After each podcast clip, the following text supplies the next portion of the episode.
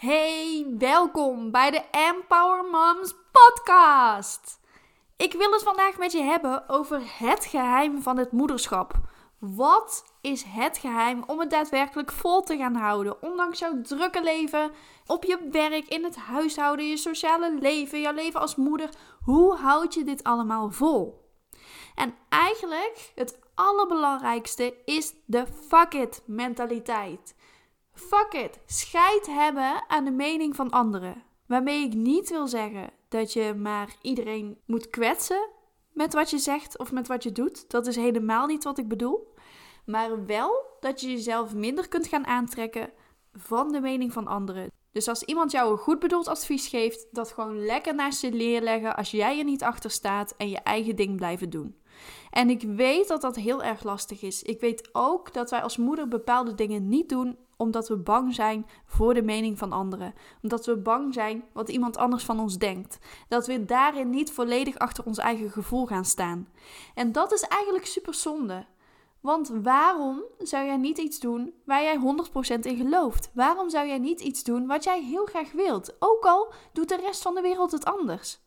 Ik ben zelf echt zo iemand die het helemaal niks uitmaakt van wat anderen van me vinden. Echt, ik doe altijd mijn eigen ding. Ik uh, heb er helemaal geen problemen mee als mensen daar niet achter staan. Het maakt mij niet uit. Weet je, het is mijn leven. Ik doe waar ik gelukkig van word, waar ik blij van word. Zowel in mijn werk als in het moederschap. Op alle gebieden in mijn leven. En als mensen daar een mening over hebben, ja, dat is helemaal prima. Maar dat zegt meer over hen dan over mij. Dat zegt helemaal niks over mij.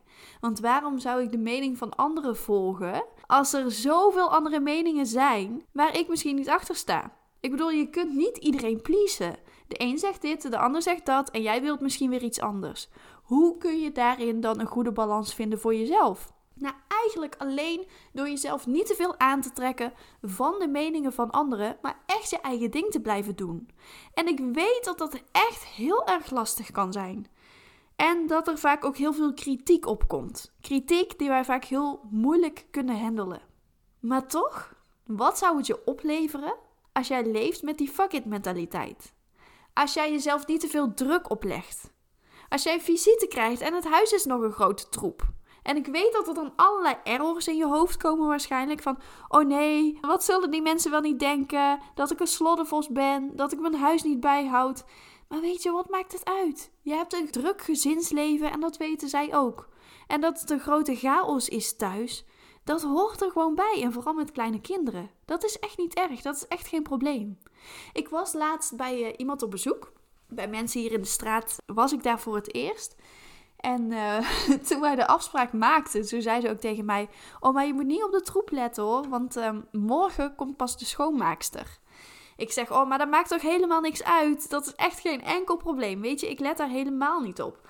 En uh, toen liet ze mij het huis zien. Toen zei ze, ja, ik heb alles eventjes verstopt daar in de kast en hier op de keukenkastjes, zodat je het niet te veel ziet. Ik zeg, oh, maar voor mij had je dat echt niet hoeven doen hoor. Weet je, ik had niet eens gezien dat er van alles op de keukenkastjes stond.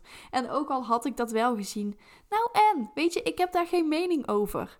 Je hebt gewoon een druk gezinsleven. Ik let daar echt niet op. En wij mensen, wij moeders, denken echt dat anderen alles zien. Weet je wel? Dat anderen alles in de gaten houden van, oh, maar dit staat daar en die troep ligt daar en oh, daar ligt nog een stofje op de grond. Maar als mensen naar jou toe komen, weet je, het gaat om jou, het gaat om je kinderen. Je gaat het over van alles en nog wat hebben. En echt die kleine dingetjes in huis, die vallen niet op. Dat zit echt in ons hoofd. Dus daarom, fuck it. Weet je, ook al is het een troep. Laat het gewoon een troep zijn. Je hoeft het echt niet op te ruimen als jij daar niet achter staat. De meeste mensen die op bezoek komen zien dat ook niet eens. Bij mij is het ook wel eens een gigantische troep als ik bezoek krijg. Nou, weet je, het maakt niet uit, want als er kinderen komen spelen, wordt het een nog gigantischere troep. Dus eigenlijk heb ik dan alleen maar mezelf ermee als ik dan twee keer aan het opruimen ben. Laat het dan maar gewoon een troep zijn, dan hoef ik het maar één keer op te ruimen. Dus snap je?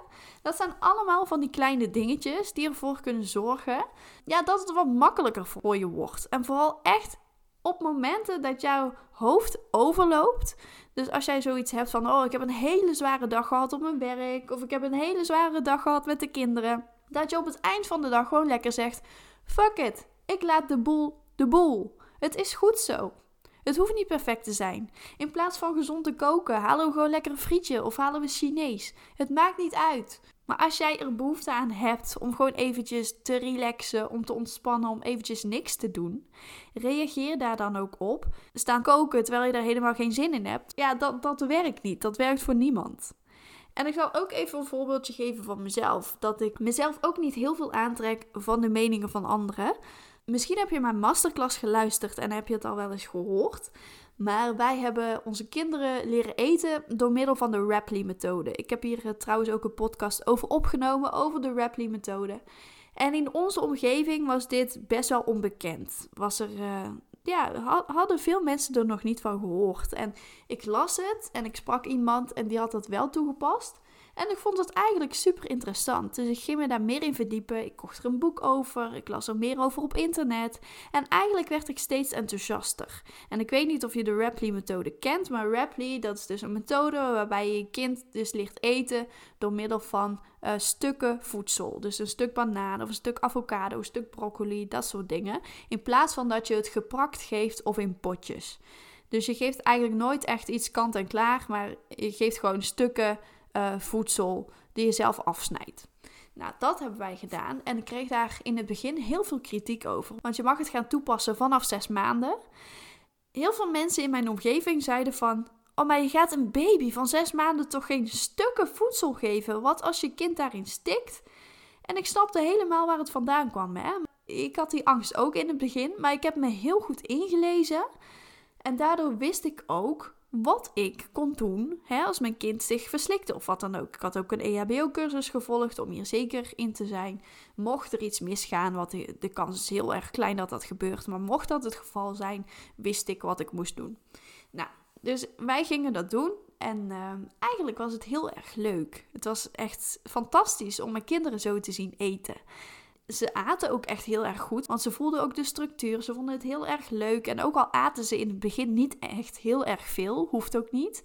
Je leert ze wel eten. Je leert ze op een fijne, makkelijke manier eten. Daardoor worden ze al heel snel zelfstandig met eten. Doordat ze ook heel goed die hand-mond-coördinatie uh, goed leren. Ze leren daardoor heel goed dingen in hun mond te stoppen. De mensen in mijn omgeving waren dus best wel sceptisch in het begin. Maar naarmate wij dit dus introduceerden, zagen ze ook wel dat er veel veranderde. Dat onze kinderen het eigenlijk heel erg leuk vonden. Dat wij het leuk vonden. Dat het goed ging. Dat er inderdaad geen sprake was van angst of wat dan ook. Dat ze niet stikten in grote stukken voedsel, maar dat ze zelf heel erg goed uh, stukjes af konden bijten naarmate we een paar maanden verder waren, kreeg ik steeds vaker te horen: Oh, dat is echt wel een hele fijne methode. Terwijl we in het begin dus heel veel kritiek kregen. En waar begin je aan? En moet je dat wel doen? En waarom zou je dat dan doen? En nu is het zo dat de mensen in mijn omgeving dus die methode eigenlijk aanraden aan moeders die nu een kind krijgen. Van heb je al eens van de Rapley-methode gehoord?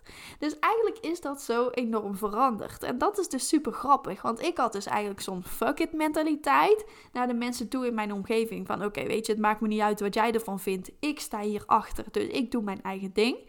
En nu staan zij er dus ook achter. De mensen die dus heel, eerst heel erg sceptisch waren. En als ik dan zelf naar die mensen had geluisterd in het begin, dan had ik de Rapley-methode nooit geïntroduceerd. Dan had ik zoiets van: oh ja, maar misschien is het wel heel gevaarlijk, of misschien is het wel geen goed idee. Dus soms moet je echt gewoon zoiets hebben van: weet je, ik doe gewoon lekker mijn eigen ding, ik volg mijn eigen gevoel, ik ga het gewoon proberen.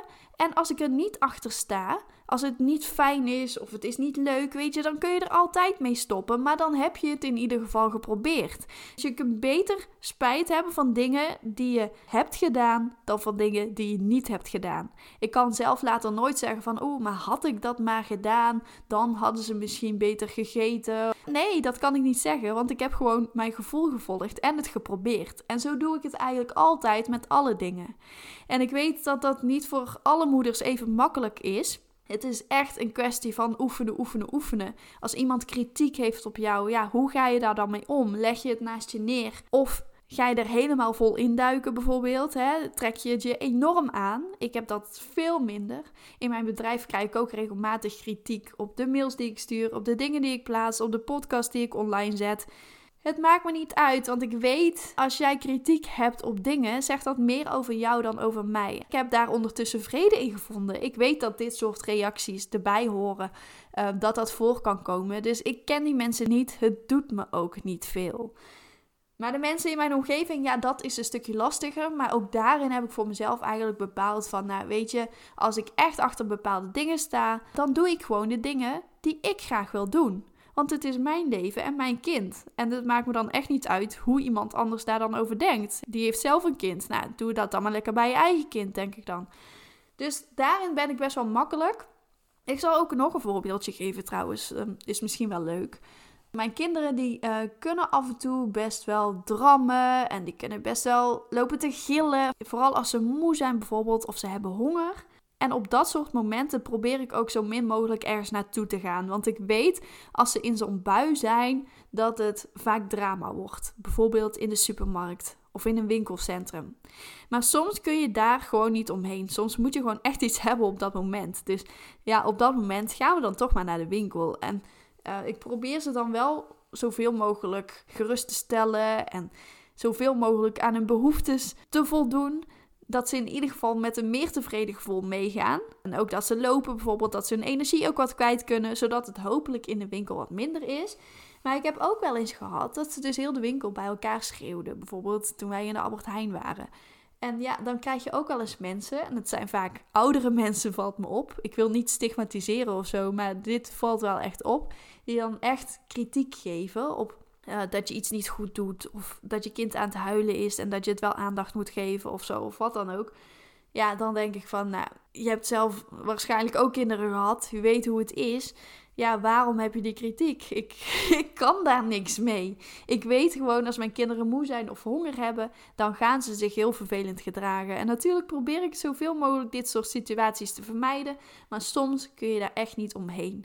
En dat is ook helemaal oké. Dus dan komt ook die fuck it mentaliteit weer. Hè? Ook al heeft iedereen een mening in die winkel, fuck it. Weet je, ik moet nu iets hebben. En ik heb kleine kinderen, die kunnen niet in hun eentje thuis blijven. Dat gaat gewoon niet. Dus die moeten dan wel mee. En nu ben ik wel echt zo iemand die, uh, die er niet zo van houdt dat mensen, vreemden bedoel ik dan, je kind aanraken. Ik vind dat echt best wel een dingetje. Maar ook daarin merk ik dat het wat makkelijker wordt of zo. In het begin was ik daar heel erg panisch op. Kon ik er best wel boos van worden als iemand, een vreemde, in de winkel mijn kind aanraakte. Ik zei er ook altijd wat van, doe ik overigens nog steeds, maar nu kan ik het ook wat meer naast me neerleggen. En ik denk ook, naarmate je dus wat langer moeder bent, naarmate je langer een kind hebt, dat het ook allemaal wat makkelijker gaat, omdat je het jezelf minder aantrekt. Want in het begin ben je juist heel erg beschermend naar je kind toe. En vooral als je een tweede of derde kind erbij krijgt, ja, dan, dan wordt het gewoon wat makkelijker om je kind los te laten in deze grote wereld. En loslaten, ja, dat is gewoon echt waar het hele moederschap over gaat. Loslaten van je kinderen, überhaupt. Naarmate ze groter worden, gaan ze meer hun eigen gang. Heb je minder controle over ze. Maar ook loslaten van verwachtingen. Loslaten van verwachtingen van jezelf, maar ook van verwachtingen van anderen. Dus echt, het maakt niet uit wat anderen van je denken, wat anderen van je vinden. Laat die verwachtingen los. Doe je eigen ding. Doe iets waar je achter staat, zodat je je daar volledig op kunt focussen. Fuck it, naar die mensen toe. Maar wel op een respectvolle manier, want dat is wel belangrijk. Dus daarin uh, probeer ik wel altijd die balans een beetje te zoeken. Van oké, hoe kan ik dit op een nette manier zeggen? Hoe kan ik dit op een nette manier uh, aangaan met iemand? En um, ja, als die er anders in staat, dan is dat maar zo. Ik ben er echt veel makkelijker in geworden. Ik ben wel benieuwd hoe jij dat ervaart eigenlijk, hoe jij dat vindt. Vind jij het lastig om de meningen van anderen naast je neer te leggen? Of kun jij daar juist heel erg goed mee omgaan? Ik zou het heel leuk vinden als je dat met me wilt delen. Je kunt me gewoon een mailtje sturen naar info@empowermoms.nl of je kunt een berichtje sturen op Facebook of Instagram op EmpowerMomsNL. Daar kun je me op vinden. Dus ik zou het heel erg leuk vinden om te horen hoe jij dat aanpakt. En of jij dat bijvoorbeeld heel erg lastig vindt. En wat je dan precies lastig vindt. Zou je het met me willen delen? Ik wil je heel erg bedanken voor het luisteren naar deze podcast. En tot de volgende keer.